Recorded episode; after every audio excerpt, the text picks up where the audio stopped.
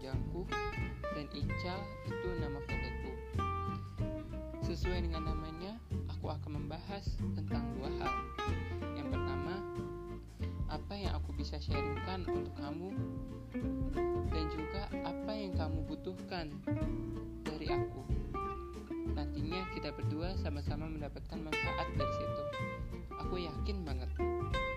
Stay tuned.